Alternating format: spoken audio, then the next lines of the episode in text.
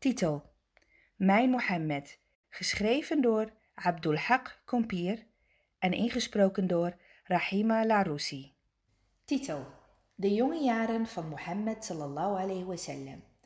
Onze geliefde profeet was geboren in Mekka op maandagochtend 21 april in het jaar 571. Zijn moeder heette Amina. Voordat Mohammed sallallahu alayhi wasallam werd geboren, had Amina een droom. In de droom zag ze een licht komen uit haar buik. Het licht scheen over de hele wereld. In een andere droom zei Allah tegen haar dat haar kindje Mohammed zou heten. De naam betekent de geprezene. Dat is iemand die Allah heel goed vindt. Want de profeet Mohammed sallallahu alayhi wasallam is het beste wat Allah ooit gemaakt heeft. Toen Mohammed sallallahu alayhi wasallam werd geboren, was zijn vader Abdullah al overleden. Inna lillahi wa inna ilayhi raji'un. Waarlijk, we behoren aan Allah en naar hem keren wij terug. Toen Mohammed sallallahu alayhi wasallam ongeveer zes jaar oud was, ging hij met zijn moeder Amina op reis. Zij bezochten het graf van zijn vader Abdullah. Maar op de terugweg werd de moeder van Mohammed sallallahu alayhi wasallam ziek. En ook zij is overleden. Inna lillahi wa inna ilayhi raji'un. Nu was Mohammed sallallahu alayhi wasallam een weeskind. Hij had geen vader meer en ook geen moeder. Maar Allah zorgde ervoor dat hij altijd iemand bij zich had. Eerst was hij bij zijn opa Abdul Muttalib. Abdul klopte hem altijd op de schouder en zei dat hij vast een belangrijk iemand zou worden. Toen Mohammed sallallahu alayhi wasallam acht jaar was, overleed Abdul Muttalib. Toen ging Abu Talib, Mohammeds oom, de broer van zijn vader, zorgen voor Mohammed sallallahu alayhi wasallam. Op een dag was er geen water meer in Mekka. De mensen vroegen Abu Talib om bij de Kaaba te bidden voor regen. Hij nam Mohammed sallallahu alayhi wasallam met hem mee. Boven Mohammed sallallahu alayhi wasallam kwam een regenwolk. Toen ze samen gebed deden, ging het meteen regenen. Er stroomden beekjes, er groeiden daarna mooie planten en bloemen in Mekka. Toen Mohammed sallallahu alayhi twaalf jaar was, ging hij met Abu Talib op reis naar Syrië. Daar kwamen ze de christelijke monnik Bahira tegen.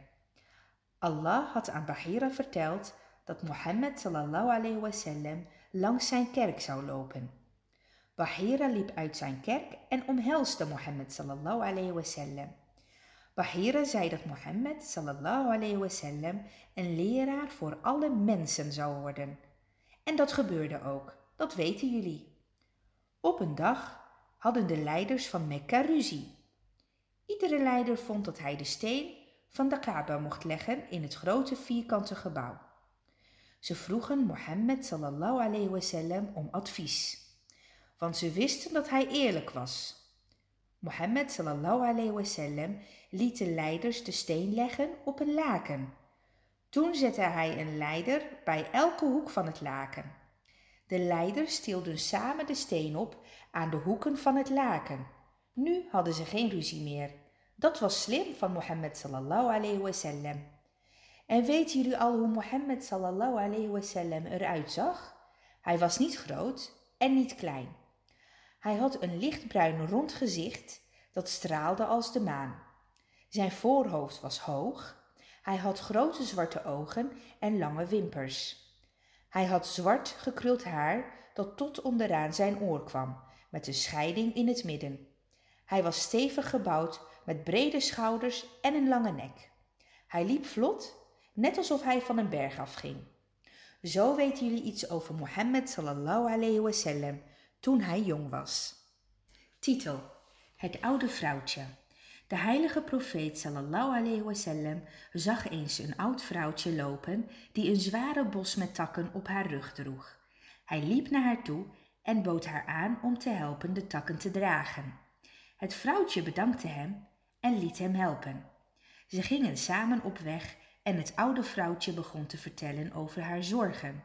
Ze was bang voor iemand. We moeten oppassen voor Mohammed, zei ze.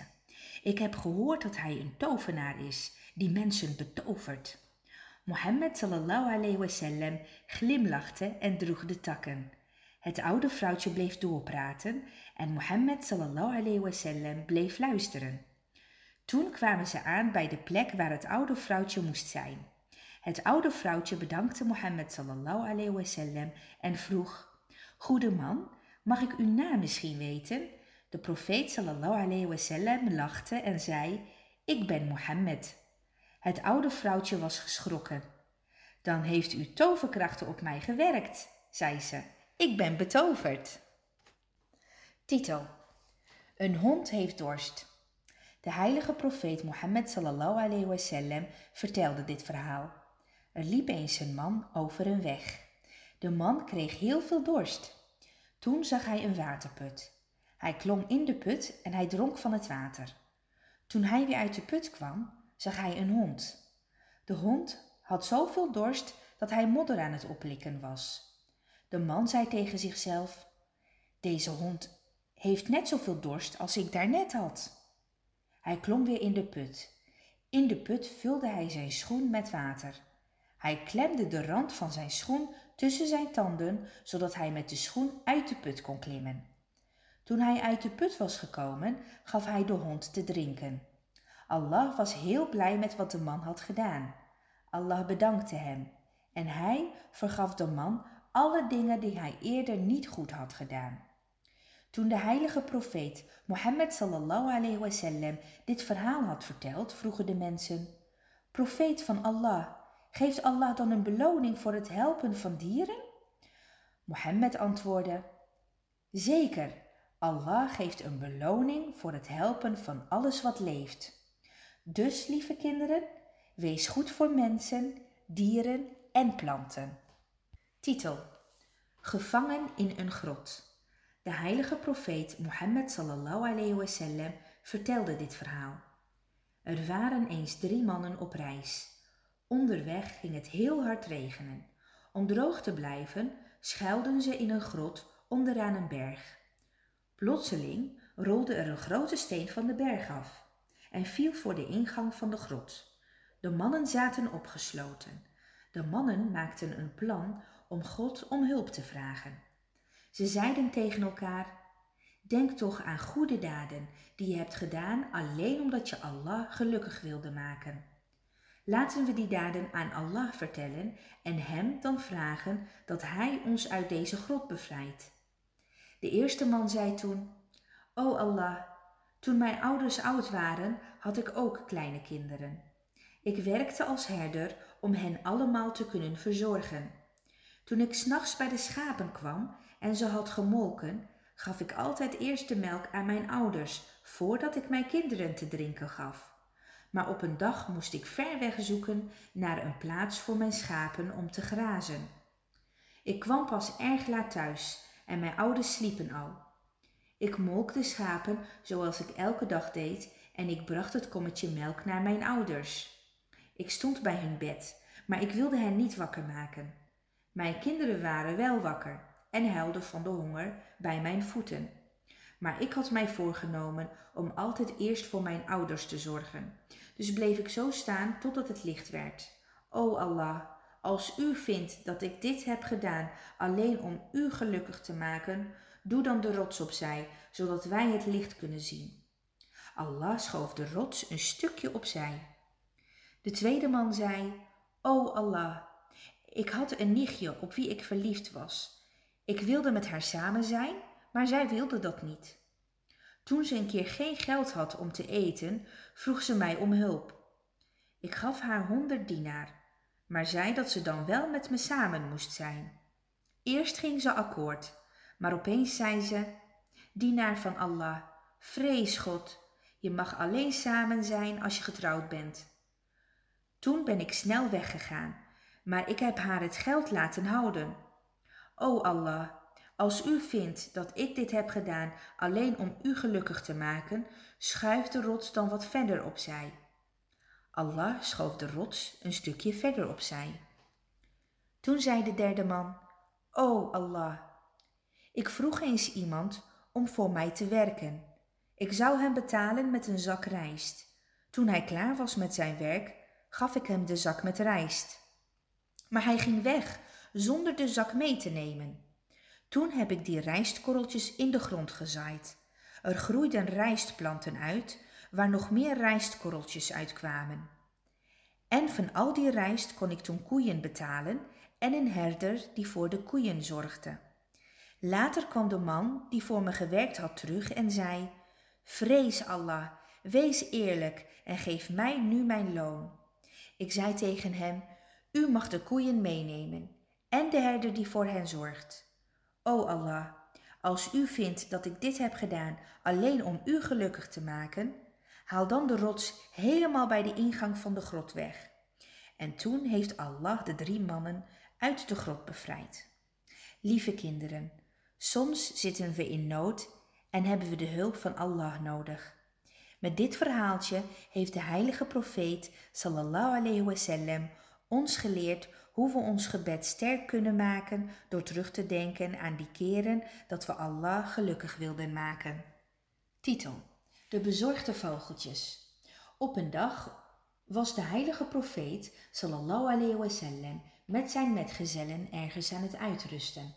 Plotseling kwamen er twee vogeltjes aanvliegen die druk om het hoofd van Mohammed sallallahu alayhi wasallam gingen fladderen. Ze waren een vader en een moedervogel. Ze bleven maar druk vliegen en moeten er erg bezorgd hebben uitgezien. De heilige profeet sallallahu alayhi wasallam keek naar ze en begreep dat ze hun eitjes kwijt waren. Mohammed sallallahu alayhi wasallam vroeg aan zijn metgezellen: Wie heeft de eitjes van deze vogeltjes uit hun nestje gehaald? Iemand zei: Boodschapper van Allah, ik heb de eieren gepakt. De heilige profeet sallallahu alayhi wasallam zei toen: Wees barmhartig voor de vogeltjes en leg hun eitjes weer terug in hun nest. Er was eens een man die Abd Shams radiyallahu anhu heette. Hij hoorde de boodschap van Mohammed sallallahu alayhi wasallam. Hij geloofde Mohammed sallallahu alayhi wasallam en werd moslim. Abd Shams radiyallahu anhu hield veel van dieren. Op een dag was hij zijn geitjes aan het verzorgen. Toen vond hij daar een babypoesje, een kitten. Hij deed het poesje in zijn mouw om het te beschermen en nam het met zich mee. De mensen hoorden het poesje spinnen in zijn mouw. Ze zeiden, wat hebt u daar, o Abd Shams? Abd Shams radiallahu anhu antwoordde, een kitten. De mensen zeiden, dan heet u vanaf nu Abu Huraira want dat betekent vader van het kitten. Abu Huraira radiyallahu anhu gaf het kitten te eten.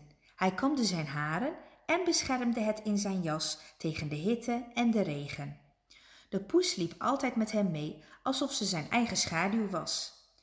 Abu Huraira radiyallahu anhu heeft de heilige profeet sallallahu alayhi wasallam veel geholpen en nadat de heilige profeet sallallahu alayhi wasallam was overleden, vertelde hij de mensen veel over wat de heilige profeet sallallahu alayhi wasallam aan hem had geleerd.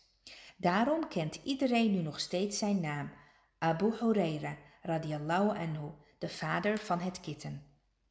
Titel Hazrat Omar radiallahu anhu wordt moslim.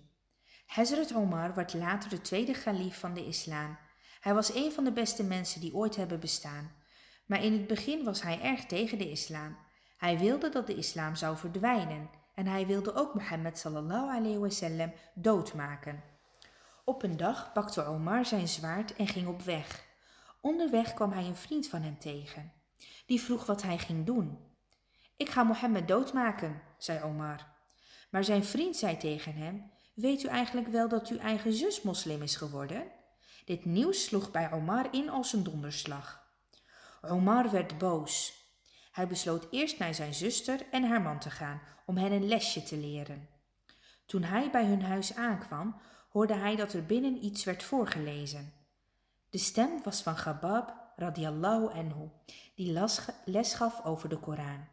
Hazrat Omar radiallahu anhu ging meteen het huis binnen. Gabab schrok van de ferme stappen van Omar en verstopte zich. Fatima radiallahu anha, de zus van Omar, verborg ook snel de bladzijden van de heilige Koran. Omar zei tegen haar en haar man, ik heb gehoord dat jullie zijn gestopt met jullie oude godsdienst. En terwijl hij dit zei, hief hij zijn hand op om de man van Fatima te slaan, die ook nog eens de eigen neef van Omar was. Maar Fatima sprong tussen Omar en haar echtgenoot, zodat Omars hand Fatima's gezicht raakte en haar een bloedneus sloeg. Deze klap maakte Fatima alleen nog maar moediger. Ze zei: Luister goed, wij zijn moslims en wij zullen moslims blijven, wat u ook doet. Omar was een ruwe man, maar hij had ook een dapper hart. Hij schaamde zich bij het zien van het gezicht van zijn zus, dat helemaal rood zag van het bloed door de klap van zijn eigen hand. Ineens veranderde hij. Hij vroeg de bladzijden van de Koran te mogen zien, waaruit ze aan het lezen waren geweest. Hazrat Fatima radiallahu hij zei, nee, want misschien zult u ze verscheuren.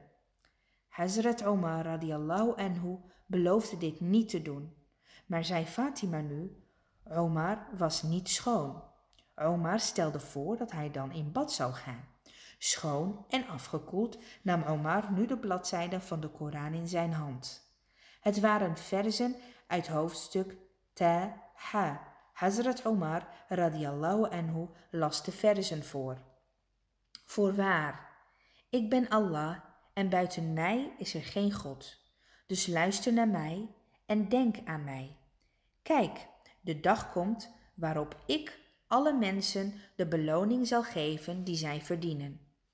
Omar radiallahu anhu vond de Koran prachtig. Wat mooi en wat bijzonder, riep hij uit.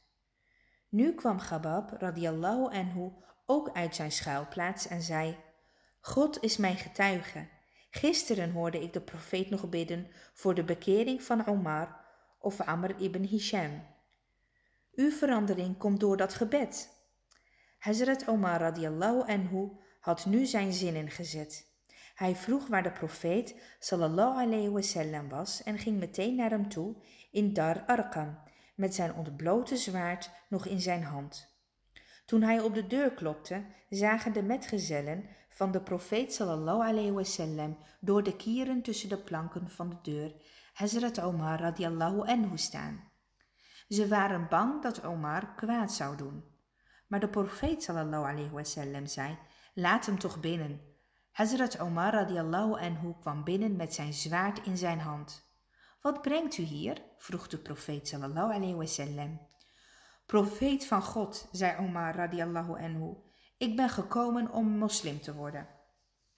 Allahu Akbar, riep de profeet sallallahu alayhi wasallam. Allahu Akbar, riepen ook de metgezellen. De heuvels rond Mekka weerklonken met hun vreugdekreten.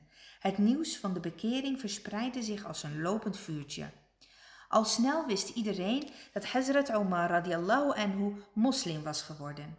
Lieve kinderen, Hazrat Omar radiallahu anhu heeft de heilige profeet sallallahu alayhi wasallam heel veel geholpen. Nadat de profeet Mohammed sallallahu alayhi wasallam was overleden, werd Hazrat Omar radiallahu anhu de tweede galief. Hij heeft veel mensen geholpen in verschillende landen. Hazrat Omar radiallahu anhu beschermde de moslims, maar ook joden en christenen. Hij hielp ze met hun landbouw, gaf iedereen vrijheid om te geloven wat zij willen en zorgde dat iedereen te eten had. Titel Raad eens wie ik ben. Op een warme zomerdag liep de profeet sallallahu alayhi door de stad en zag een arme moslim zware spullen sjouwen. Hij moest de spullen van de ene kant van de straat naar de andere kant tillen. De man was helemaal moe en gerimpeld. Hij was ook erg aan het zweten. Het stof van de straat plakte op zijn kleren, aan zijn armen en aan zijn gezicht. De man zag er nogal ongelukkig uit, kinderen. Maar Mohammed sallallahu alayhi wasallam kreeg een idee om de man blij te maken. Net zoals kinderen wel eens doen, sloop de heilige profeet sallallahu alayhi wasallam stilletjes van achteren naar de man toe. Hij legde zijn handen over de ogen van de man, zodat de man moest raden wie er achter hem stond. De man wist wel dat niemand anders dan de profeet sallallahu alayhi wasallam zo een lief grapje kon maken met iemand die zo stoffig en ongelukkig was. Hij deed zijn eigen handen naar achteren om te voelen wie het was. Toen hij de kleren van de profeet sallallahu alayhi wasallam voelde, wist hij zeker dat het de profeet sallallahu alayhi wasallam was. De man dacht nu, de profeet sallallahu alayhi wasallam heeft mij al vastgepakt. Hij zou het vast wel goed vinden om hem even te knuffelen. Blij greep hij de profeet sallallahu alayhi wasallam vast en wreef met zijn bezweten en stoffige rug over de kleren van Mohammed sallallahu alayhi wasallam. Mohammed sallallahu alayhi wasallam glimlachte en liet de man zijn gang gaan. Toen de man weer helemaal in een goed humeur was, zei de profeet sallallahu alayhi wasallam tegen hem: Ik heb hier een slaaf. Denkt u dat iemand hem wil kopen? De man was geen slaaf, maar Mohammed sallallahu alayhi wasallam maakte een grapje, omdat hij de man had vastgepakt. De man antwoordde verdrietig: O boodschapper van Allah, niemand vindt mij iets waard. De profeet sallallahu alayhi wasallam zei: Nee hoor, dat is helemaal niet zo. In de ogen van Allah bent u heel veel waard. Die woorden maakten de arme man weer blij. Hij was helemaal vergeten dat hij daar net heel ongelukkig was. Titel: De gele jurk. Er was eens een meisje dat Om Khalid radiallahu anha heette. Ze kwam met haar vader mee op bezoek bij de heilige profeet sallallahu alayhi wasallam. Om Khalid klom op de schouders van Mohammed sallallahu alayhi wasallam. Haar vader dacht dat ze de heilige profeet sallallahu alayhi wasallam zou storen en riep Om Khalid terug. Maar de heilige profeet sallallahu alayhi wasallam zei: Laat haar maar. Om Khalid had een gele jurk aan. De heilige profeet sallallahu alayhi wasallam zei: Wat een mooie jurk heb je aan. Daarna zei de heilige profeet sallallahu alayhi wasallam tegen Om Khalid: Ik bid naar Allah dat je zo lang zult leven dat jouw jurk versleten raakt en dat je hem heel vaak moet repareren. En dat je dan nog een jurk krijgt en je die ook zo lang kunt dragen totdat die ook versleten is. En zo gebeurde het ook. Oom Gelliet leefde lang, zodat ze haar jurk nog lang kon dragen. En daarna kreeg ze nog een mooie jurk die ze ook heel lang gedragen heeft. Titel Mohammed sallallahu alayhi wasallam en Umama radiallahu anha doen samen gebed. Iemand zag de profeet sallallahu alayhi wasallam eens gebed doen. Hij had zijn kleindochter Umama radiallahu anha op zijn schouders. Ze was nog een baby. Als hij knielde, zette hij Umama op de grond. En als hij opstond, pakte hij haar op en zette hij weer op zijn schouders. En zo deden ze samen het hele gebed. Titel Een kindje plast op schoot. De heilige profeet sallallahu alayhi wasallam nam eens een kindje op schoot om het een dadel te geven. Maar het kindje deed een plas op zijn kleren. De heilige profeet sallallahu alayhi wasallam vroeg toen wat water en maakte zijn kleren weer schoon. Lieve kinderen, werd de profeet sallallahu alayhi wasallam boos toen het kindje op zijn kleren plaste? Nee, hij had altijd geduld en bleef altijd lief.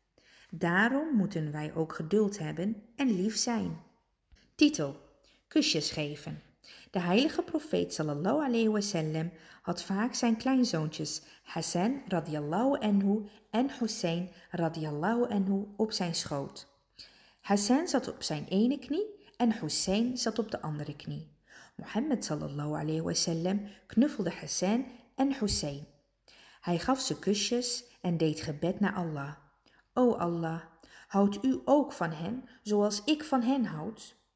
Op een keer was daar iemand die nog niet zoveel had geleerd over de islam. Hij heette Al-Aqra. Die zei: Ik heb tien kinderen en die geef ik nooit kusjes. Toen keek de heilige profeet sallallahu alayhi wasallam naar Al-Aqra en zei: Als u niet lief bent voor anderen, dan is Allah ook niet lief voor u. Titel Hazrat Abu Bakr radiallahu anhu bouwt een moskee voor zijn huis. De mensen in Mekka deden erg gemeen tegen de moslims. Hazrat Abu Bakr radiallahu anhu besloot daarom op een dag dat hij zou verhuizen naar een ander land, Ethiopië. Want hij wist dat daar een goede koning was die aardig was voor de moslims. Onderweg ontmoette hij Ibn ad-Daghina, het stamhoofd van de. Ibn ad-Daghina zei tegen Abu Bakr, O Abu Bakr, waar gaat u naartoe? Abu Bakr antwoordde, de mensen van Mekka hebben mij weggejaagd. Daarom ga ik nu ergens anders naartoe om daar moslim te zijn. Ibn ad-Daghina vond dat heel erg. Hij zei, O Abu Bakr, ze moesten u niet wegjagen, want u helpt arme mensen. U bent goed voor uw familie en u bent barmhartig voor gasten en zieken. Daarom zal mijn stam uw beschermer zijn. Dat betekende dat zijn hele familie Abu Bakr zou helpen. En dan mochten de mensen in Mekka niet meer gemeen tegen hem doen. Zo waren de afspraken in Mekka. Dat was de wet. Ibn ad-Daghina en Abu Bakr gingen terug naar Mekka. In de avond ging Ibn ad-Daghina naar de leiders van de Quraysh-stam, de grote leiders van Mekka. Hij zei tegen hen, iemand zoals Abu Bakr moeten jullie toch niet wegjagen? Willen jullie soms iemand wegjagen die arme mensen helpt, goed is voor zijn familie en barmhartig is voor zijn gasten en zieken? Toen de leiders van Mekka dat hadden gehoord, konden ze geen nee zeggen. Ze zeiden, goed dan, laat Abu Bakr dan bidden naar zijn God, maar alleen binnen in zijn huis. Hij mag bidden en de Koran oplezen, zoveel hij maar van wenst. Maar hij mag ons er niet mee beledigen. En ook mag hij het niet buiten op straat doen. Want we willen niet dat onze vrouwen en kinderen naar hem gaan kijken en dan misschien ook moslim willen worden. Ibn ad-Daghina vertelde dit aan Abu Bakr. En zo bleef Abu Bakr in zijn huis en deed daar zijn gebed naar Allah. Hij bad niet buiten op straat en ook las hij de Koran niet op buiten zijn huis. Zo deed hij dat een tijdje, maar op een zeker moment kreeg hij het idee om een kleine moskee te bouwen voor zijn huis. Toen hij de moskee gebouwd had, ging hij daar bidden en de Koran oplezen. Maar omdat hij nu van de straat te zien was, kwamen er natuurlijk veel vrouwen en kinderen naar hem kijken. Ze verwonderden zich, Abu Bakr was iemand die erg veel kon huilen. En hij vond de Koran zo mooi dat hij steeds moest huilen als hij de Koran oplas in die moskee voor zijn huis, waar iedereen het kon zien. De leiders van Mekka werden nu bezorgd. Ze riepen Ibn ad-Daghina weer bij hen. Ze zeiden tegen hem, wij vonden het goed dat uw stam Abu Bakr zou beschermen als hij in zijn huis zou bidden. Maar hij heeft nu zijn belofte gebroken en een moskee voor zijn huis gebouwd. En daar bidt hij nu en leest hij de Koran. Wij zijn bang dat onze vrouwen en kinderen moslim willen worden, als zij hem steeds zo zien. U moet hem zeggen dat hij daarmee stopt. Dan vinden wij het goed. Maar als hij ermee doorgaat, moet u zeggen dat uw stam hem niet meer kan beschermen. Wij vinden het niet leuk om onze belofte aan u te breken.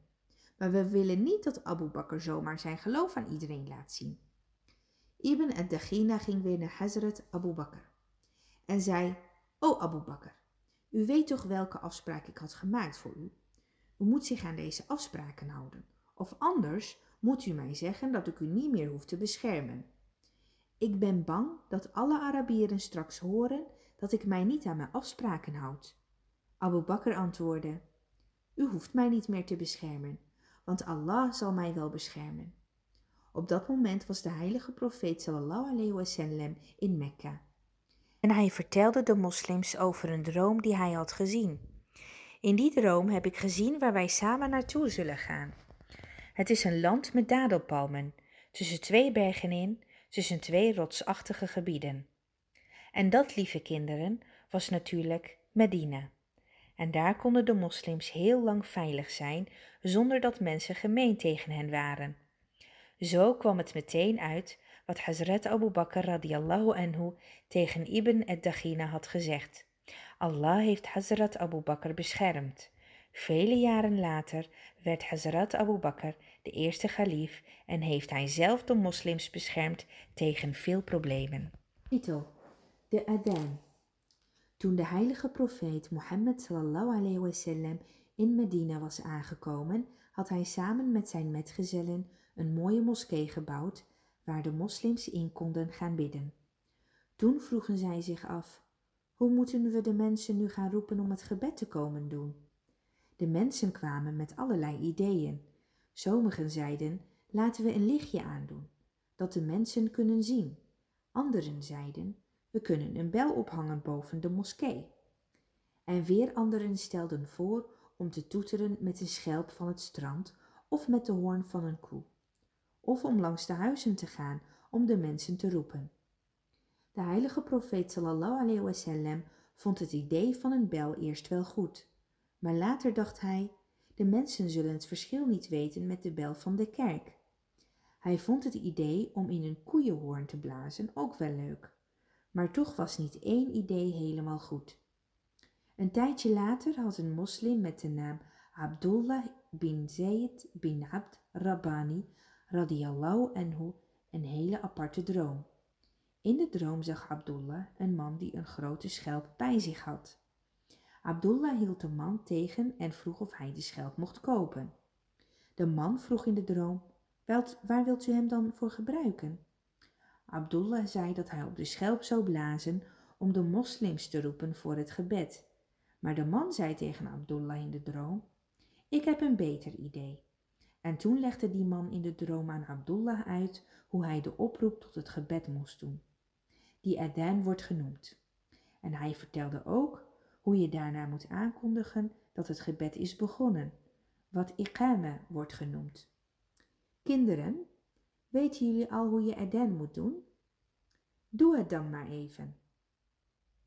De volgende morgen rende Abdullah naar Mohammed toe.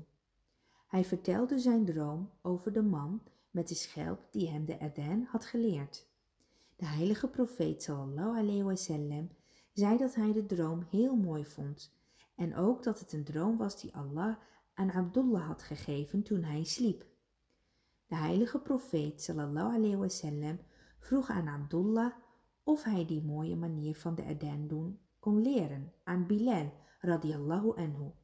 Hazrat Bilal radiallahu anhu was een zwarte man uit Afrika die een hele mooie en luide stem had. Nadat Bilal de manier en de woorden had geleerd van Abdullah, klom hij op het dak van de moskee. Hij riep de allereerste Adan precies zoals Abdullah het geleerd had in zijn droom. Hazrat Omar was in zijn huis toen Hazrat Bilal met zijn mooie stem de eerste Adan over de huizen van Medina riep. Hazrat Omar rende zijn huis uit met zijn kleed wapperend achter zich aan. Hij riep uit, Profeet van Allah, profeet van Allah, ik heb precies dat ook in een droom gehoord. Toen Mohammed sallallahu alayhi wasallam dat hoorde, zei hij, Alhamdulillah. Lieve kinderen, Hazrat Abdullah en Hazrat Omar zagen hun droom over de Adan in het eerste jaar na de Hijra. Dat betekent een jaar nadat de profeet Mohammed sallallahu alayhi wasallam van Mekka naar Medina kwam in het jaar 622. Het is nu 1400 jaar later en nu roepen de moslims elkaar nog steeds op dezelfde manier naar de moskee voor het gebed.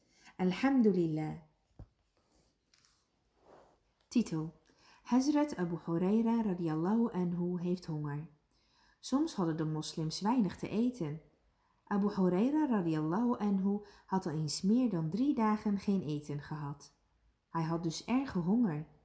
Hij ging voor de ingang van de moskee staan. Toen hij Abu Bakr radiallahu anhu zag aankomen, vroeg Abu Huraira aan hem, Weet u wat het Koranvers betekent waarin staat dat we arme mensen te eten moeten geven?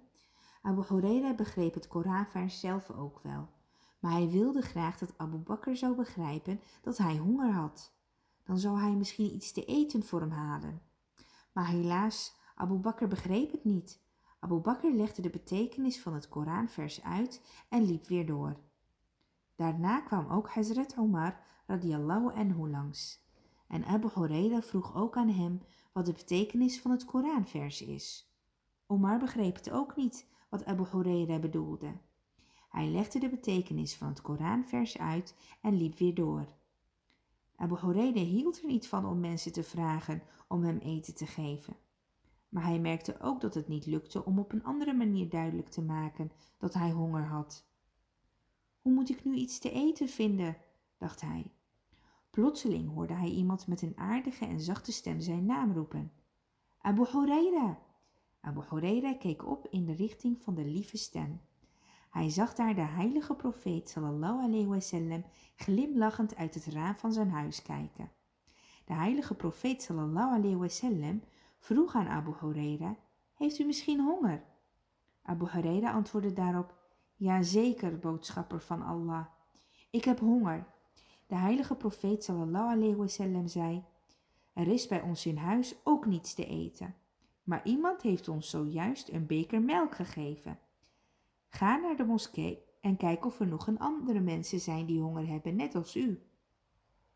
Abu Huraira dacht, ik heb genoeg honger om de hele beker melk in mijn eentje op te drinken. Maar de profeet sallallahu alayhi wasallam heeft mij gevraagd iedereen uit te nodigen die ook honger heeft zoals ik. Dus ik zal maar een klein beetje van de melk krijgen. Maar ik wil tegen de profeet sallallahu alayhi wasallam ook geen nee zeggen.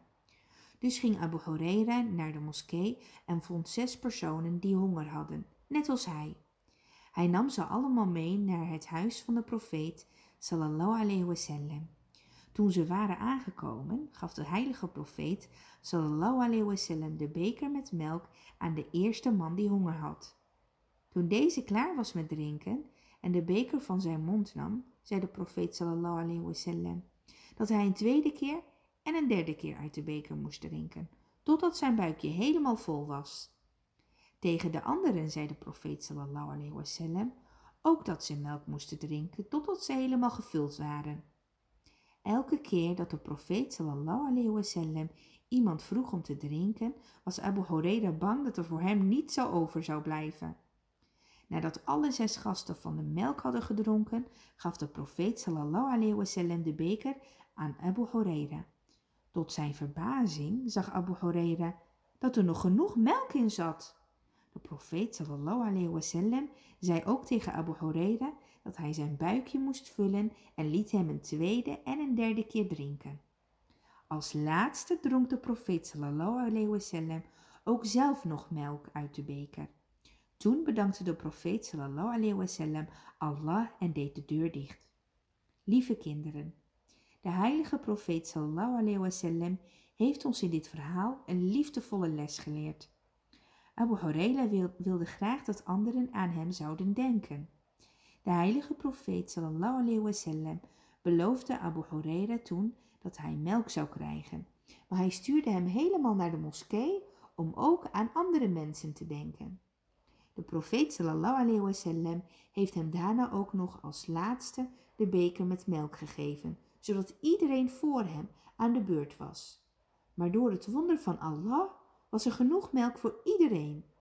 Zo leerde de profeet sallallahu alayhi wasallam aan de moslims om zelfs als je honger hebt aan anderen te denken. Als we God vertrouwen voor alles wat we nodig hebben, dan zorgt Hij voor wonderen. Titel Honing Een man kwam bij de heilige profeet sallallahu alayhi wasallam en zei Mijn broer heeft buikpijn. De heilige profeet sallallahu alayhi wasallam zei Laat hem honing drinken. De man kwam nog een keer en de heilige profeet sallallahu alayhi wasallam zei, laat hem honing drinken. Hij kwam een derde keer en de heilige profeet sallallahu alayhi wasallam zei, laat hem honing drinken. De man kwam ten vierde male en zei, ik heb dat steeds gedaan, maar het werd erger. De heilige profeet sallallahu alayhi wasallam zei, Allah heeft de waarheid gezegd, maar de buik van uw broer heeft een leugen gesproken. Laat hem honing drinken. De man dronk weer honing en toen was zijn buikpijn over. Titel: De verloren ketting. Als ze op reis waren, zorgde de heilige profeet Mohammed sallallahu alayhi wasallam altijd goed voor zijn vrouw. Een aantal keren verloor Hazrat Aisha radiallahu anha onderweg haar ketting. Toen dit weer eens was gebeurd, liet Mohammed sallallahu alayhi wasallam de hele caravan met kamelen en reizigers stoppen. Hij stuurde mensen terug om de ketting van Hazrat Aisha radiallahu anha te zoeken in de woestijn. De caravan moest daardoor wachten op een plek waar geen water was om te drinken of te wassen. De vader van Hazrat Aisha radiallahu anha, Hazrat Abu Bakr radiallahu anhu, werd boos op haar. Aisha, zei hij, Jij zorgt altijd voor moeilijkheden op reis. Maar de heilige profeet sallallahu alayhi wasallam werd niet boos. Zelfs niet als hij de route van de hele caravan moest veranderen en daardoor in moeilijkheden kwam. De familie van de heilige profeet sallallahu alayhi wasallam zorgde later ook altijd goed voor elkaar, zoals Mohammed sallallahu alayhi wasallam het voorbeeld had gegeven. Titel Het meningsverschil Hazrat Aisha radiallahu anha had eens een meningsverschil met de heilige profeet sallallahu alayhi wasallam. Mohammed sallallahu alayhi wasallam zei tegen Hazrat Aisha: Kiest u iemand die ons kan helpen om het met elkaar eens te worden? Wat vindt u van Umar ibn Khattab? Hazrat Aisha zei: Nee, hij is zo hard en streng. De heilige profeet sallallahu alayhi wasallam zei: Goed, dan kunnen we uw vader Abu Bakr kiezen. Hazrat Aisha zei: Akkoord. De heilige profeet sallallahu alayhi wasallam liet Hazrat Abu Bakr radiallahu anhu roepen de vader van Hazrat Aisha. De heilige profeet sallallahu alayhi wasallam begon te vertellen. Aisha heeft zus en zo gezegd. Hazrat Aisha zei toen, vrees God en zeg niets anders dan de waarheid. Toen Abu Bakr dit hoorde, gaf hij Hazrat Aisha een klap. Je moeder zij verloren, zei Abu Bakr. Jij en je vader zouden de waarheid spreken en de profeet van Allah niet? De heilige profeet sallallahu alayhi wasallam zei, O Abu Bakr, wij riepen u niet hiervoor. Toen pakte Abu Bakr de stengel van een dadelpalm en kwam achter Hazrat Aisha aanrennen. Hazrat Aisha ging snel achter de heilige profeet sallallahu alayhi wasallam staan en hield zich aan hem vast. De heilige profeet sallallahu alayhi wasallam zei, Abu Bakr, gaat u alstublieft weg. Dit was niet de bedoeling. Toen Abu Bakr weer was vertrokken, ging Hazrat Aisha aan de andere kant van de kamer zitten. De heilige profeet sallallahu alayhi wasallam zei, Aisha, kom toch even. Hazrat Aisha kwam niet. Ze was boos. Mohammed sallallahu alayhi wasallam glimlachte en zei, even geleden hield u me nog stevig vast en was u nog dicht bij mij. Titel De Persische maaltijd De heilige profeet sallallahu alayhi wasallam had eens een buurman die uit Perzië kwam. De buurman kon erg goed koken. Op een dag besloot de buurman een maaltijd te koken voor de heilige profeet sallallahu alayhi wasallam. Hij ging naar de heilige profeet sallallahu alayhi wasallam om hem uit te nodigen. Mohammed sallallahu alayhi wasallam zat naast zijn vrouw Aisha radiallahu anha. De heilige profeet sallallahu alayhi wasallam wees naar Aisha en vroeg de buurman of zij ook mee kon komen eten. De man zei waarschijnlijk niet, omdat ik dan meer werk moet doen. De heilige profeet sallallahu alayhi wasallam zei, dan kom ik ook niet.